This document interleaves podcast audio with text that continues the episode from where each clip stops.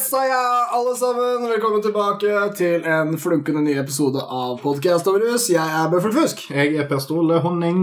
Og i dag har vi nok en uh, rykende fersk aktuelt episode fra vårt nye superspennende format, der vi uh, veksler litt på om vi snakker om evige temaer eller noe som skjedde nylig. Så vår første nylige event er jo at vi har gitt ut vår aller første spesialepisode. Mm. Uten nummerering eller noe som helst. Eh, Vi hadde yeah. et eh, intervju med Sturle Haugsgjerd som ligger ute på Soundcloud nå. Så styrt dit og hør på den og lik og del og sånn. Han er jo en veldig aktuell kar med veldig aktuelle meninger og mange innsideperspektiver Yeah! av rusfeltet, som bruker kanskje den mest aktuelle gjesten vi har hatt, som er på Ja. ja, rett og slett. Ja, det må jeg si. Vi har hatt kjendisgjester før, men de har ikke uh, hatt brukerperspektivet, for å si det sånn. da. De har vært litt sånn uh, sekundære rusfolk. Ja. Litt sånn på siden. Enten interessert eller I hvert fall interessert i å være her, men Ikke at det er noe gærent i det. det er jo bare bra. Jeg vil jo helst egentlig ha gjester som vil være her. Uh, Ja. Og helt fint at det ikke banker i seg knark. ja, kjempebra. Fortsett med det. Og så kan vi også bare sånn kjapt eh, melde om at vi òg nå er på steinalderplattformen Facebook sammen Ja. med mora di. Så lik og del der òg, da. Eh, Jeg vet at det er noen som eh, hører på som ikke bruker Soundcloud-embeden aktivt, og sånn, så hvis du har lyst til å bli oppdatert med en gang vi har en ny episode ute, og du ikke har en Soundcloud-bruker, så lik oss på Facebook, så ordner vi det. Lik oss på Facebook, sånn som mora di gjør. Ja. Ah. Og Sylvi Listhaug. Uh, tenk om hun hadde lika sida. Det hadde vært uh... Ja, altså da skal jeg knuse hele studioet Da- og uh, flytte hjemmefra, for å si det sånn. det, det er jo den der sleipe lille gnomen hennes som hadde styrt uh, sida og Mm. lika, så vi må ikke si det for høyt, for da kommer det å gjøre det, så må vi legge det. Men, Mm. men ja, for et scenario. Videre, vi skal snakke om eh, ganske mye spennende greier i dag, men først så tenkte jeg vi skulle nevne at altså, vi har jo hatt valg i dette hele landet, Ja, eksempel. og vi har jo ennå ikke hengt noen eh, byråkrater eller kapitalister i gatene, så det gikk jo litt feil vei. Ja, det gjorde det. Og det var, det, det var, det var et sånn, litt sånn mildt valg. Litt Mm. sånn, litt sånn eh, komplisert resultat. på Ja, litt sånn softcore-valg. Ah, Du vil jo ikke ha komplisert resultat, du vil ha enkelt. Mm. Og vant rus, det er det jeg lurer på når jeg ser på valg. Ja, jeg, jeg tror ikke det var noen vinnere her i det hele tatt. Ja, veldig få vinnere. Nei, Med mindre det var liksom Rødt som fikk inn et mandat og sånn. Bortsett fra det, så var det sånn, ja. Ja, det er. Rødt og Senterpartiet, de vant. og så resten er litt sånn hm, Hva skjedde nå, egentlig? Vi er helt fornøyd. Det er litt sånn, sånn våkne opp dagen derpå, og så vet du at du, du har ikke liksom blitt direkte utsatt for et overgrep, men det er nok noe som skurrer litt med kompisene dine. Ja, og liksom Frp gikk tilbake i sånn 1 og sto likevel og sånn fuck yeah-tale etterpå. og sånn. Mm. Uh, ja, Det var jævlig forvirrende. Men det vi kan si om rus i den forbindelsen, var vel at uh, rus uh, ikke tapte, for Mm. en gangs skyld.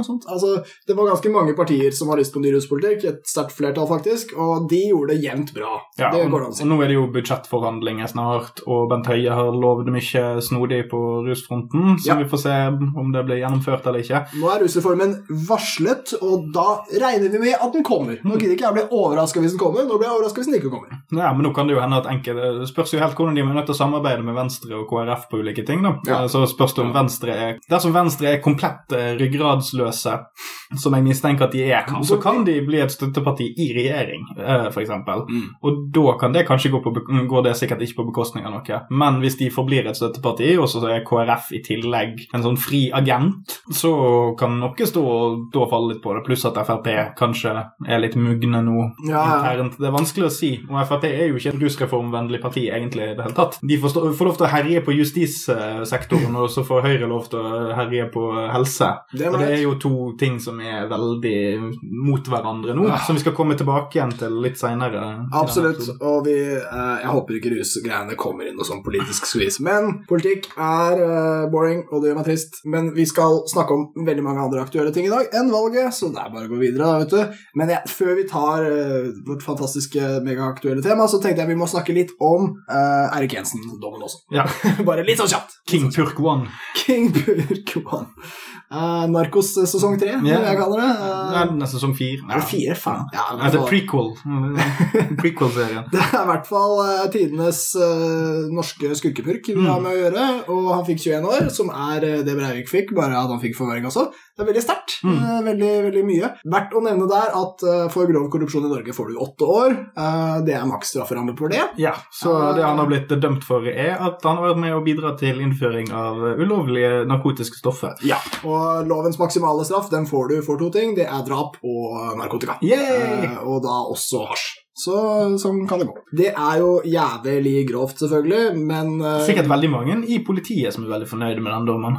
Ja, det, det vil jeg tro mm. at det er. Og de skal jo ha litt skryt òg for å ta tak i en av sine egne. Jeg var ikke helt sikker på om de var så gira på det i det hele tatt. Uh, men uh, det er lov å ha sympati for, for Jensen, i hvert fall når det kommer til straffeutmålingen, mm. som var maksimal, tross alt. Men jeg har lyst til å nevne at Norge dømmer hasjsmuglere nesten hvert eneste år til 18 års fengsel og mer. Mm. Altså Vi har 19-årsdommer, 20-årsdommer, 21-årsdommer, og da har de smugla typ sånn ett tonn og sånn. Mm. Ett, to, kanskje tre tonn. Eh, Cappelen har jo smugla mange hundre tonn, eller hva faen det var, han endte med 15 år. Det var selvfølgelig det masse strafferabatt i det. Eh, det er likevel litt komisk hvor høy denne straffen er, og hvor mye de bruker det, fordi da ender vi opp med idiotiske utfall, sånn som i denne saken. Altså, Cappelen måtte få strafferabatt, men han fikk jo da mindre straff enn løpeguttene i hans egen bande. Mm. For de fikk jo 17 og 18 og, og 19 år og sånn. Så altså, de, har, de, har, på en måte drevet hasjlageret til Cappelen, og så fikk de mer straff enn Cappelen.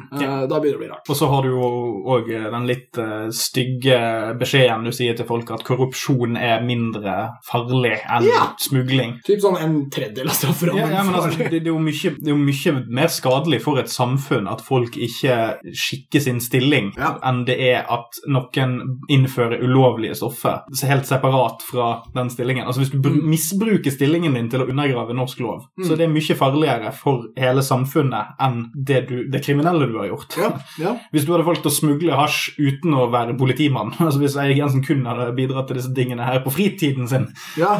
så hadde det jo ikke vært korrupsjon engang. Men, men, så ville han kanskje fått en tilsvarende dom. Det kan um, faktisk. Mm. Men det er jo direkte livsfarlig for hele demokratiet vårt at voldsmonopolistene mm. bryter loven, og så straffes det så svakt. Ja. Altså svakere enn de som de skal være bedre enn. Ja, ja det, er, det er kjempegodt poeng, spør du meg. Altså, det er jo også med i beskrivelsen på politiyrket at man skal være faktisk en, et moralsk forbilde. Mm. Altså, du, det er ikke så mange jobber som har det, uh, men du skal være mer moralsk. Altså, du skal være litt sånn høyverdig i forhold til de andre menneskene i hele samfunnet. Ja, så, så det knytter seg jo igjen over til uh, hovedbiten i aktuelt ja, Det kunne gjerne vært uh, reflektert i lovverket. Mm. Men uansett, vi er ikke ferdig med politiet for denne gang. Vi skal nemlig snakke om en liten helt av meg, Bård Dyrdal er politi og snakker om rus, og politiet diskuterer rus internt, og dæven, det er tider, altså. Ja, nå har jo han returnert etter at han ble satte seg sjøl i sjølpåført eksil etter at det ble litt tøft internt. Ja, det var i, I mars, mars, tror jeg. Stemmer det. Da var det sånn at det var Han kjente påtrykk fra si, enten overordnede eller kolleger eller noen og så, og nå er han tilbake, og deriblant med et innlegg i Politiforum. Og nå, for de av dere som ikke vet hva det er, så er det sånn Politiforum er politiet sin egen versjon av alle kjedelige internaviser. I, satt sammen? Ja. ja. Det er dørgende kjedelig, bortsett fra når de snakker om ting som er interessant. Ja. som f.eks. Eh, legalisering av hasj og sånn. Det vil de snakke minst mulig om. Ja. Eh, fallet. Og nå i september så har eh, Dyrdal hatt et innlegg der der han har anklaget en god del folk i politiet til å bedrive det han kaller bullshit-argumentasjon. Altså det at han, han, han mener at politiet bruker utdaterte argumenter som befolkningen gjennomskuer. Altså at, mm. at den gruppen med folk som politiet prøver å overbevise til å ikke bruke narkotiske stoffer eller ikke være for legalisering, eh, at de argumentene er så gjennomsiktige og utdaterte og dårlige at eh, politiet ikke har noen som helst autoritet på feltet lenger når de snakker om det offentlige. Som f.eks. NNPF, eller de som snakker om at LSD får deg til å hoppe utfor tak, eller at du røyker bananskall for å bli kåt, eller sånne mm. ting. eller hva det nå blir. Nei, men er, Vi har jo denne debatten om uh, rusmidler burde være lovlig. Den, den har vært her helt siden de ble ulovlige. Mm. Og det er uh, over 50 år siden, eller rundt 50 år siden. Og vi har vel lurt veldig mye på hva det norske politiet syns om dette. Og det er ikke fordi de burde ha så jævlig mange meninger om det, egentlig, men fordi de har noen, og de har ikke delt dem med oss. Eh, så i den forstand er det her jævlig spennende. Da har liksom Dyrdal fått til det umulige, å få politiet i tale internt, eh, og, og på en måte lufte litt Jeg skal ikke bruke det lufte-ekkokammer-greia, men, men lufte litt ut for oss andre hva som skjer der, Mm. fordi det vet vi litt om. Og sånn sett så er det, har, han, har han liksom lykkes uh, med noe nytt. Uh, likevel så, så er jo ikke svaret kanskje det vi håpet på, da, på, på mange måter. Eh, og, og jeg vil bare si at Det er derfor vi tar liksom tak i språket til et par av hans motdebattanter. For å gå liksom gjennom det i dag, bli sånn språkanalytisk og tørt og sånn, men det er fordi vi har venta på disse meningene i, i 50 år, selv om vi ikke er så gamle, skal jeg love deg. Eh, så derfor blir det litt, eh, litt eh, debatteknisk i dag.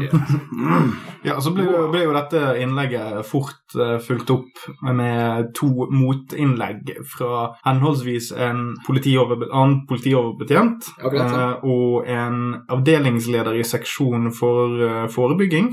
Ja, det stemmer. Avdeling for kriminalitetsforebygging. Mm. Og det er hun var avsiktsleder. Hun andre. Eva Ragde. Nei, det var Marit Holt som var Marit Holt. Det er da, ja som er jeg påpekte også, så er det bare lov å ha to navn du Mm. i politiet i Norge. Det er Bård Dyrdal, eh, Eva Ragde og Marit Holt vi skal håndtere tekstene til i dag. Ja. Følg med når podkast om rus går ned i eh, norsk stilanalyse. Du må ofre ditt tredje navn for å bli politi. Det Ja, er, det, ja, du, ja, du ofrer det på, på seremonien. For det. det er så mye interne greier som vi ikke veit om. Tar du, Bård eh, Svendsen Dyrdal, og ofrer ditt mellomnavn for å være med i denne ærbødige politietaten, Ja. som vi kaller Skriver du Svendsen på en lapp, så brenner du den. det er en hel greie. Altså, men, men det er jo det er så mystisk. Vi vet jo rett og slett ikke. Uh, men det er påfallende at alle har eh, bare to navn. ja, men har, har, har de fremdeles de her seremonisverdene Jeg vet ikke, i altså. politiet? Nei. Det har de helt sikkert, for de har Det hadde vært så kult om de brukte seremonisverdet til å seremonielt drepe sitt eget mellomnavn.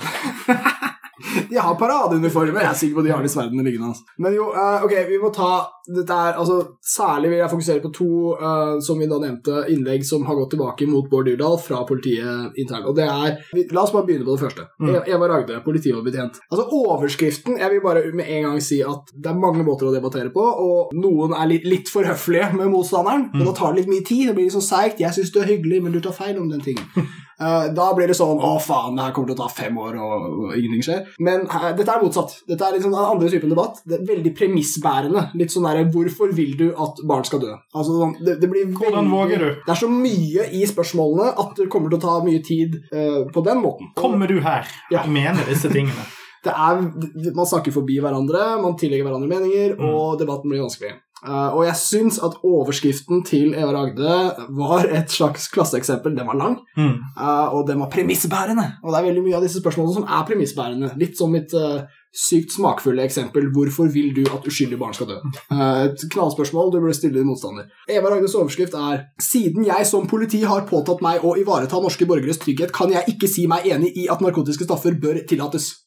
Og der er det på en måte Altså, jeg er liksom enig etter fire ord, og så kommer det 30 til. La oss fordele skyld mellom Ragde og Politiforum, eh, debattredaktøren. da.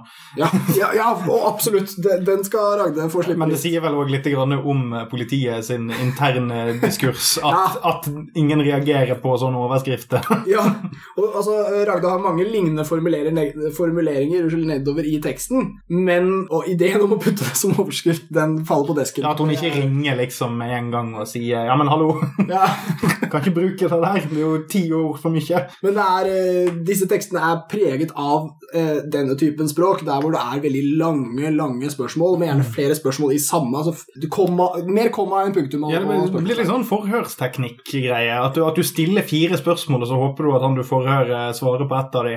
Ja, og det er Noe av, noe av det, det jeg syns er tristest med det, er at man ofte eh, Det ser ut til at man snakker veldig mye på politiets vegne. At det er sånn derre Vi som er politi, og det er jo spennende òg. Ja, for Du som politimann som kritiserer politiet, du snakker bare for deg sjøl. Men jeg som politimann, betjent, Snakk på vegne av oss alle. Ja, man slåss litt om den kollektive identiteten, og, og det er veldig autoritært. Igjen, dette kan vi jo forstå. Uh, og det, Egentlig er det kanskje det jeg etterlyser mer. Jeg liker at politifolk er veldig autoritære. Jeg gjør det. Mm. Eh, kanskje ikke når de Men møter de må jo være det. Kanskje ikke når de møter meg på gata, men, men ellers så er det en viktig del av jobben. Ja, altså Og- du, du kan ikke arrestere folk uten å være litt autoritær. Nei, og jeg, jeg hater pinglesnutt. Jeg hater kompis uh, Fritidsklubb her, gutta. Det det er helt dårlig stil. Altså, det er fullstendig svakt, uh, svak innsats. Så jeg, jeg vil heller ha dem uh, med litt mindre selvironi enn enn det. Men noe av problemet med, med Ragde og sånn er at det går igjen, også i Holts inntekt, som vi skal ta mer om, at, at det her skal ikke du si. Altså, og, og vi er jo glad i argumenter i podcast om rus, og her er det rett og slett ikke så mange av de. Og når de dukker opp, så er de ofte bakt inn i et veldig mye lengre premiss. Så du kan finne et par spennende uh, poenger, men da pakkes de inn i en slags slutt med 'hvorfor vil du at uskyldige barn skal dø'? Og da er det ikke så enkelt. Eh, jeg har tenkt å ta tak i et par eh, andre ting som Ragde sier. eh, litt sånn triks hun bruker, men, men jeg har lyst til å kanskje finne et, et sitat. Ja, vi, vi har noen sitater tilgjengelig her. Vi får bare be om unnskyldning hvis det er noe during fra min utrolig gamle og teite PC. Han sveiver det i gang her nå. Ja, han er dampedrevet. Bare, bare, nå, nå, nå tar vi ting litt ut av sin kontekst her, altså så la oss bare gi Ragde og Holt benefit of the doubt. At vi kan feilrepresentere ting til en viss grad her. Det er Sånn, bare gi litt slack på det, da. Det er mulig når vi snakker oss uten. Godt mulig. Men en del av de tingene hun sier, er jævlig teite, og la meg bare si det høyt nå mens jeg siterer. Eh, For eksempel, et utdrag er På generelt grunnlag er min oppfatning at politifolk er helt klare i sitt syn på ulovlig narkotika, at dette fortsatt skal være en forbudt substans, og at man derfor ikke har sett nødvendigheten av å gå ut og forsvare sitt standpunkt i det offentlige rom. Det ligger implisitt i det at man er politi og har påsatt seg de oppgaver som følger med det yrket. Det hun egentlig sier her. Med dersom vi skal bare ta for gitt at hun bruker det norske språk på samme måte som resten av oss, Ja. la oss bare anta det, for Mm. å være snill, Mm. eh, er jo at grunnen til at politifolk eh, ikke mener det samme som Bård Dyrdal, er fordi at de har ikke rett til å ha en egen mening, fordi at de har de satt til side for å bli politifolk. Ja, Det er det hun sier. jeg tolker det sånn. Eh, om hun mener noe annet, så har hun brukt veldig mange ord på å fremstille poenget sitt helt feil. Ja, ja, vil jeg si. Og, og for å være helt ærlig syns jeg dette er en veldig eh, opp, god oppsummering av hva stridighetene internt i politiet er om eh, legaliseringsforslag. Altså egentlig bare alt som har med eh, noe politiet føler de har hegemoni på, eller har, eh, har definisjonsmakt over. Mm. Det er det at eh, det er faktisk, som Dyrdal påpeker sjøl, lite refleksjon rundt hvorfor. Mm. Man leter veldig etter rettferdiggjørelsen for hvorfor det man gjør, er riktig, men man er ikke spesielt interessert i å bli kritisert. Ja. Fordi den kritikken da går ut over denne her autoriteten som de trenger å ha for å gå ut på gaten og arrestere junkies. Ja. Med en gang du stiller spørsmål ved om at noe er moralsk riktig, så, så blir folk enten defensive, eller så går de i dialog. Ja. Og jeg har ikke sett noe annet enn uh, defensiv tilnærming til dette. Mm. Enten er det tyst som i graven, eller så går folk ut og er veldig krasse med ikke spesielt godt gjennomtenkte resonnementer. Mm. Som dette er et eksempel på. Ja, og jeg, jeg må også si, jeg syns det virker som om Ragde bekrefter noe vi egentlig visste fra før, at dette er et tabu, og hun forsvarer også dette tabuet, altså denne debatten som et tabu, sin posisjon. Hun vil bare at det skal fortsette å holde seg sånn. Mm. Og vi vet fra tidligere, eller vi har jo mistenkt, det er jo Dyrdal er bekreftelsen, at det fins politifolk som er uenig med den jevne, og da mener jeg ikke lovverket nødvendigvis, men hva politiet mener internt. Der fins det et par outsidere inni flokken. Og de blir altså ikke hørt. Og det Ragde tar til orde for, er at det er ikke plass til dem i politiet. Eh, Det går ikke an å ha en annen mening om dette temaet. Det vet du på en måte når du blir politi. Det er akkurat som å- å det å nekte å debattere eh, rusliberalisering, eh, potensielle ruspolitikker, er en slags pensum på Politihøgskolen. Mm. Du, det første du lærer når det kommer en jævla hippie med gode argumenter, så skal du absolutt ikke ta den debatten. Det er sånn det er å være politi. Det er veldig jeg, jeg vet ikke hva jeg skal si til det. Nei, og da hjelper det ikke spesielt godt når det kommer en annen politimann og sier øy. Ja. Når det plutselig er den andre politimannen som er den hippien. Ja, ja og, og Og den politimannen ikke har blitt tatt for uh, grov korrupsjon eller innsmug- uh, smugling av hasj, og du ikke kan bare avfeie. Og jeg, jeg anbefaler alle å gå inn og lese Ragdes argumentasjon. Um, ikke fordi den er god, men fordi det er noe av det første vi har av tekst om hva politiet mener om det her. Uh, og, det, og det er ekte. Det er det, er, det er det det gjenspeiler. Men jeg vil bare ta tak i en annen ting, og det er at hun har et annet poeng hun, hun bruker som gjorde meg rasende da jeg leste det, og det er at uh, hun skrev at Norge er egentlig ikke på overdosestatistikken i Europa på toppen av den. Nei, fordi det er dårlig innrapportering, og at uh, EMCDDA uh, har avslørt at folk har ulike kriterier internt i landene sine, og da ja. kan du ikke sammenligne land direkte. Ja. Så dermed kan man spekulere i om Norge egentlig ligger på overdosestatistikken. Ja, og, og, og det, det, er hårreisende. Altså, jeg skjønner at Ragde gjør dette fordi hun vil knuse et slags poeng hos sin motdebattant, og det mm. er noe greit, men det hun prøver å spille på da, er at de andre landene registrerer dårlig, og Norge uh, registrerer bra. Og at det skryter litt av Norge, det gjør det enda litt kvalmere. Fordi problemet er at i Norge så dør det rundt 300 mennesker av rusmidler hvert eneste år. Uh, ulovlige rusmidler. Alkohol er faktisk høyere. Uh, og at hun da både klarer å skryte av Norge i en sånn kontekst, mm å eh, underspille det faktum som er problemet, at 300 mennesker dør i året, eh, fordi de andre ikke registrerer nok. Det er en grusom avsporing, og nok et eksempel på hvor smakløst det blir når man prøver å si at de der overdosetallgreiene er ikke så forbanna viktig. Det funker fuckings aldri. Det burde de aldri gjøre. Nei, og det, det er sånn Det ble litt som, som, å si sånn Ja, naboen, eller den ved siden av meg i klassen, han jukset på sin prøve, så derfor skal jeg ha en sekser istedenfor en toer. Ja. ja. På, på tentamen. Ikke sant? Det, det, Veldig relevant, tror jeg. Ja, det, det, spiller jo ingen rolle. Jo, du, du, bør jo da kritisere naboen din og kanskje si fra til læreren. Ja. ikke, ikke drive og bruke andre sin uh, skittige metode for å støtte opp under deg sjøl. ikke sant, ass. Og, og la meg ta dette. En annen ting, Nå skal jeg faen meg gjøre meg ferdig med Ragda. ass. Fordi Hun hevder også at begrepet overdose ikke brukes lenger. Og det kan hende, men i så fall er årsakene det engelskspråklige. Mm. Uh, vi har nemlig i Norge en gjeng med folk som bruker begrepet rusgift. Og det ser ut til at Ragde har, har blitt litt med i den gjengen. Mm. Fordi hun mener at nei, vi snakker ikke om overdose lenger, vi snakker om forgiftning. Mm. Og der vil jeg gjerne påpeke at for det første så finnes det et fag som heter toksikologi som er jævlig utbredt. Og det første læresetningen til toksikologi er at alt er giftig, det handler bare om dosering. Uh, så derfor vil overdose være uh, det samme som gift, mm. hvis det er relevant. Men det er mye mer treffende argument fordi det handler om mengde. Uh, og det går an å dø av ting som ikke er giftig. En av de tingene heter heroin, og er den vanligste tingen som dreper folka hun snakker om. Og det å snakke om at heroin er giftig, det er i så fall 100% bullshit, vitenskapelig feil. heroin dreper ikke fordi det er giftig, det dreper av andre årsaker. Og uh, Ragde klarer å vise ikke bare at hun vet lite om dette, her, men at hun er veldig ivrig på å forklare hvordan det her skal være, mm. uten å vite hvordan det er. Uh, så ikke bare vil hun uh, avspore fra viktige ting, men hun vil diffusere årsakene til at fryktelige ting skjer, og, og styre premisset for debatten i den retningen. Det er helt jævlig smakløst av henne. Fuck det. Ja, uh, vi, er, vi, er, jo ikke helt ferdig med Ragd ennå, da. Uh, vi har, Nei, kanskje ikke. Vi har et ganske langdrygt sitat til, men oh, jeg syns det, det, det, var såpass drøyt at la meg nå fremføre det i sin helhet. Det er ikke forfatteren sjøl som leser. Som en digresjon rundt tematikken i legaliseringsdebatten kjenner jeg på følgende sammenlikning. Vi har gjort bæring av kniv på offentlig sted ulovlig. Nå ser det jo ut til at et slikt forbud absolutt ikke medfører nedgang i antallet grove voldshendelser ved bruk av kniv. Skal vi da bruke argumentasjonen som ligger til grunn for legaliseringsdebatten i ruspolitikken? Ja, da må vi legge til grunn de samme momenter i denne typen kriminalitet. Altså bør vi legalisere bruk av småkniver som ikke gjør så mye skade, eller legalisere risping med kniv. Vi klarer jo åpenbart ikke å få bukt med dette problemet, så da er jo per definisjon denne politikken feilslått. Og da er jo tilsvaret til dette å legalisere den minst skadelige formen for kriminalitet. Eller Jeg ler i desperasjon, ler jeg. Mm.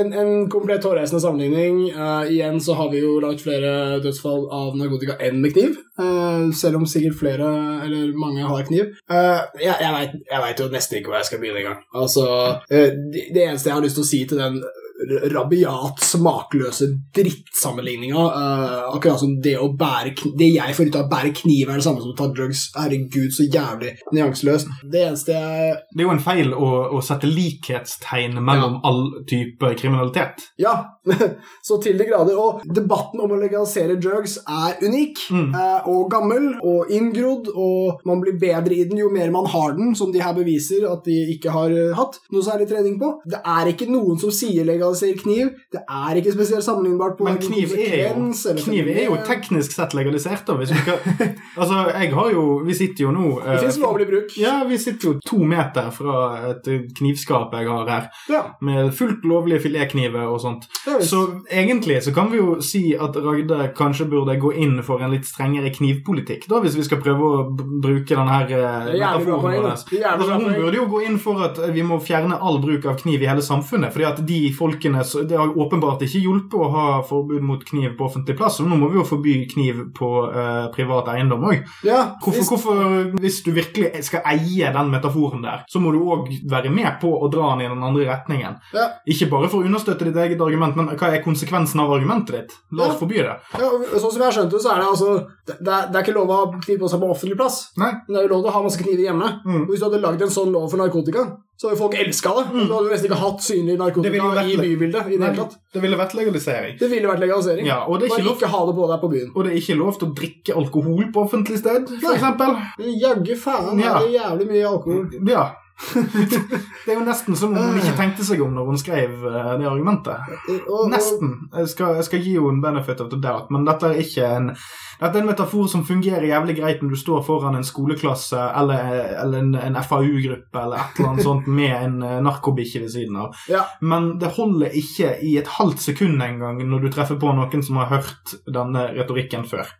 I det hele tatt. ikke faen. Og i en slags desperat iver etter å finne noe moderne og nytt i argumentasjonen, så vil jeg påpeke at selv om de sammenligner narkotika med det verste de kommer på, som da i dette tilfellet er kniver, eh, så, så snakket hun i det minste om at det fins mildere former for narkotika, Mm. og sammenligne dette med små kniver, uten at jeg helt skjønner eh, hvorfor en liten kniv er fett å ha på seg. Ja, for en liten kniv kan jo være dekorativ. Samene har vel unntak fra denne loven? Har ikke de lov til å gå med sånn samekniv med den Jo, jo, der er masse unntak, ja. Ja. ja, det er jo ganske store kniver de har legalisert. Men, det, Men uh... la, la meg peke på det som en lite moderniseringsgreie i dagens tekst. da. De veit det fins forskjellige typer narkotika, og ikke alle narkotikaene er like farlige. De snakker fortsatt om det som ett stoff. Men her så viste hun eh, at det fins forskjell på Rambo-kniv-narkotika og Tollekniv-narkotika. Det, det. det er ikke verst. Det. si nei til Rambo-kniv. Ja, Si ja til tollekniv. ja, vet du hva. En liten lommekniv, det må da være greit. Ja, jo, du kan jo, kan jo skru opp vinkorken med den, for eksempel. Det kan brukes til så mye. Ja. Denne metaforen duger som. Folkehelten MacGyver har bygd hele sitt, eh, sin overlevelsestaktikk på en lommekniv. Og dette, dette funker så bra som metafor på bare å ha litt drugs. Men før jeg glemmer det, så kan jeg jo nevne det at det nettopp var litt eight eh, oppstyr eh, den siste uken eh, når vi spiller dette inn, så var det jo litt oppstyr rundt tilfeldig kontroll av nettopp det knivbæring Stemmer det. i Oslo sentrum. Det er i nærheten av Gunerius Ja. og i Storgata, Ja. rundt der det pleier å være. Men det er noe politiet gjør i tide og utide som de visstnok har hjemmel for å gjøre. De kan ha begrensede operasjoner der de stopper tilfeldig forbipasserende og sjekker om de har på seg ulovlige våpen. ja, det stemmer. Og dette er tiltak de har for å motvirke gjeng gjengkriminalitet. sant? Ja. Men, og dette jo knytter seg jo til Ragdes argument, kniv, bare det var der jeg eh, hentet det fra. Stemmer. Eh, Men i den samme slengen så er jo dette da en operasjon politiet bruker, altså en lovlig operasjon de har, for de Mhm. kan ikke sjekke deg for drugs, Nei. men de kan sjekke deg for våpen. Ja. Og hvis du da tilfeldigvis blir sjekket, og de finner noe på deg, mm. der nede der det er masse dealers og narkomane, Mer drugs enn kniver. og, og, og narkomane trenger kanskje en kniv. Ja, De lever ganske som eh, Sturle Haugstjerd kunne bekrefte i eh, spesialepisoden vår. Det er et helvetes sirkus å skulle forsvare seg i den kulturen der. Det kan vel så gjerne være et påskudd for å hooke folk for narkotikabruk, det der òg. Du ja kan jeg det. altså. finne politiet en grammer på det med hva som helst, så vil jo det bli ført opp. De kan Ja. ikke bare gi deg den tilbake igjen og så Så, så lenge, sende deg av gårde. det finnes jo mange folketette områder i den byen her. Mm. Eh, Men så lenge de gjør disse kontrollene på steder hvor det er unektelig mer narkotika i lommene enn det er kniver, så blir det litt rart. Ja. Da, blir det, da, da ser man at det kan være en unnskyldning for noe. Det blir litt som å stelle seg foran sprøyterommet og begynne å sjekke lommene til folk fordi vi ser etter tjuvegods. Ja. Uh, Det kan godt hende du finner noe tjuvegods, men du vil finne mye mer drugs. Mm. Og da er det litt tullete at det var det du rettet. Ja, jeg bare synes det var litt spesielt at hun skulle nevne kniver Ja, i omtrent samme tid som knivsjekk er en veldig stort fokusområde for uh, sentrumspolitiet. Ja, definitivt. Ja, nei, vi, vi har um, Igjen, vi har i hvert fall noe data. Vi har i hvert fall noen noe politimeninger. Uh, men vi må også ta Marit Holt, Ja. uh, avsnittsleder i avsnitt for kriminalitetsforebygging i Oslo. Ja, jeg kan jo begynne med et sitat fra Marit Holt. Ja, gjerne det. Eh, Hun kritiserer jo Dyrdal for å ha Han snakker mye om 90-tallet. Og han, han så, han, eh, tittelen på hennes er jo at hun er lei av at man skal trekke kolleger ned i søla. Når jeg Så, leste den tittelen, så trodde jeg det var noe som svarte hun som svarte Dyrdal. mm, At det var Dyrdal som var kollegaen som ble trukket ned i søla. Ja. Det var en veldig rar tittel. ja, den, den fulle tittelen er 'Jeg har fått nok!' utropstegn. En kollega har nok en gang dratt andre kolleger ned i søla! Nok en gang. Eh, Hun kom ikke med noen eksempler så vidt jeg har sett på andre som har gjort det. Så det er jo litt sånn Da erkjenner du jo at du har skitty folk i politiet. Så, Ja, Eller at han har gjort det før. Ja, det ikke det. Mm. Altså, jeg, jeg kan ikke forstå at den overskriften henviser til Dyrdal. Jeg synes syns det virker så rart. Ja, så Noe av kritikken vår går ut på at Dyrdal har eh, gjort disse la-la-la-la. vært eh, Dyrdal har jo sjøl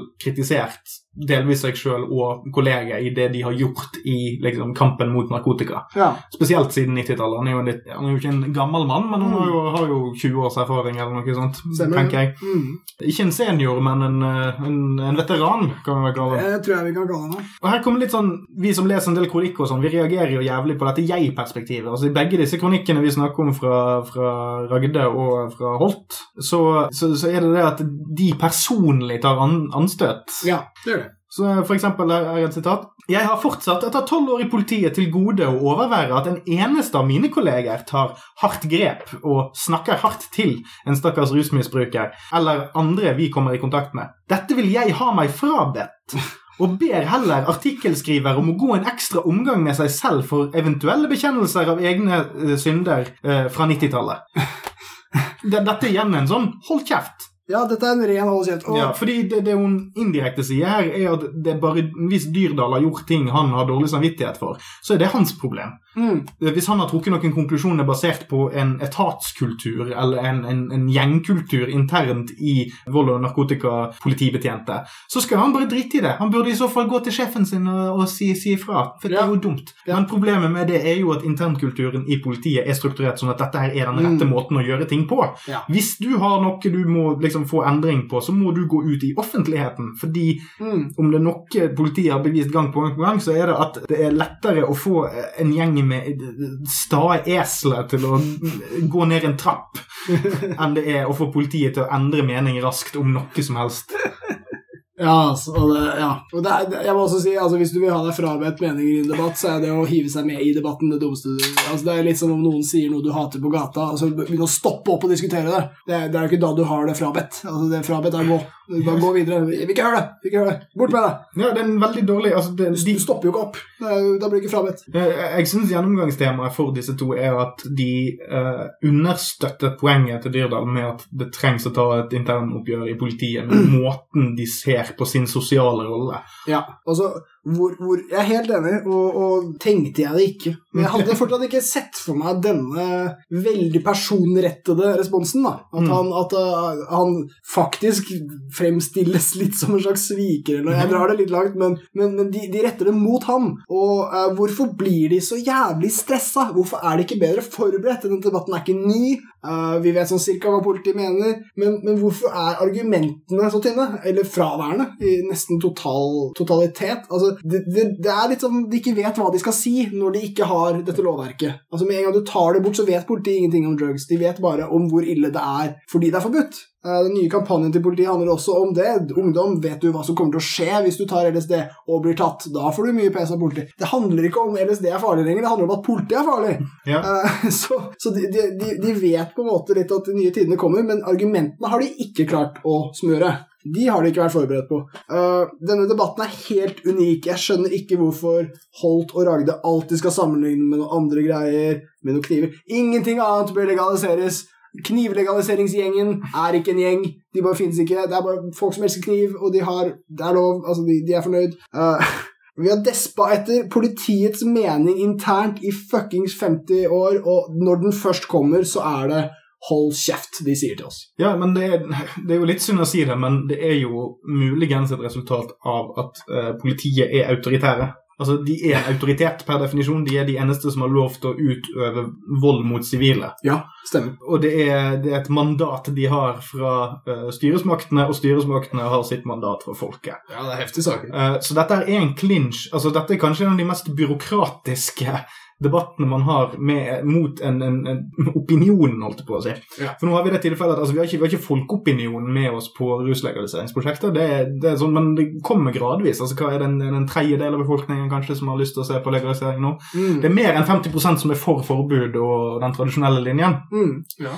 Men sakte, men sikkert så ser vi nå en, en dreining. Og, Ja. og de, som, de som bryr seg om ordskiftet og om utviklingen i samfunnet, Mm. de har òg nå tatt en dreining mot ja, men dette er jo et stort liberalt problem. Ja. Vi kan ikke leve i et fritt samfunn og ha disse lovene på plass. Mm. Men så sitter politiet der som et instrument, og mange av de har jo vokst opp fra de var små og tenkte ja, jeg skal bli politi, for politi tar skurker. Altså, det er litt Mm. grovt forenklet, da. Ja. Men det er, jo, det er jo et ønske om å bidra til samfunnet og gjøre alt rett. Og så kommer det da en kritikk fra sine egne, ikke bare de utenfor, men av sine egne, om at ja, men kanskje vi er litt skurker, vi òg. Mm. Kanskje vi har vært med å bidra til noe, ikke pga. at vi har villet det, men bare i egenskap av at vi har et mandat og vi har oppfylt kravene Mm. som folk har satt til oss, så har vi gjort en del dårlige ting mot folk som allerede har, har det kjipt. Ja. men da, da, får man, da, da kan man enten, enten diskutere, eller så kan man bli defensiv. Folk som har autoritet, vil gjerne forsvare den autoriteten, ja. tenker jeg. Og jeg liker autoritetpoliti. Som sagt tidligere, jeg syns ikke veik selvironisk Knut tar seg godt ut. Selv når det er riktig, så skal du ha maks 5 selvironi. Jeg vil ha en staut uh, dørvakttype snut, altså Mm. noe sånt. Uh, og, og, og det er veldig greit, fordi jeg tror det hjelper dem i jobben. Men en, en ting som er uh, vanskelig, er dette med moral og etikk. Mm. Og, og jeg, jeg vet vi kan bruke Det begrepet er litt så vanskelig i vår tid, for nå er vi i postfaktuelt samfunn, og moral er alt mulig rart. Men hun, altså begge disse kvinnelige debattantene, de kunne ha uh, snakket mye mer om sak. Uh, og de, de forsøker, for all del, og det, det skal de ha for, men greia, det handler om hva som er rett og galt. I dette tilfellet at det er selvfølgelig galt å legalisere narkotika, og det er også galt av Dyrdal å si det han sier. Det er det minst valide poenget de har. Eh, men politiet har ikke alltid peil på moral, og det er faen meg helt greit. Altså Som gode filosofer hele tiden viser oss, så er moral jævlig vanskelig. Det handler ikke om trygge løsninger der alle får vilja si. Det handler om det motsatte. Det handler om jævlig vanskelige valg der du må velge mellom pest og kolera. Og så må det være et valg du kommer til å være misfornøyd med. Politiet har ikke alltid peil på moral. Det er cool. Det er fordi at de ikke alltid kan vite alt om moral. At de ikke alltid vet bakgrunnen for hvorfor de gjør jobben sin. Det er derfor vi kan tilgi politiet for fryktelige grusomheter de har begått gjennom historien, som å banke opp homsene i Norge helt fram til 70-tallet, eller La meg ikke åpne boksen som heter andre verdenskrig, Mm. eh, og, og snakke om hva politiet gjorde der. De gjorde bare jobben sin. De hadde ikke så mange moralske meninger om hva som var rett og galt. De, gjorde, de fulgte instruks, og de fulgte rang. Og det er det politiet skal gjøre, og derfor var det riktig. Så hvorfor det nå skal være så uhyre viktig å ha moralske meninger om hva loven burde være og ikke, det fatter jeg ikke. Og det er ikke deres oppgave. Snekkeren burde ikke ha så jævlig sterke meninger om hammeren. Han burde bare forholde seg til den, som en dings. Og jeg vil òg si bare kjapt til akkurat det at jeg tror det er derfor en del av argumentene til forbudspolitiet eh, klinger så hult. Ja.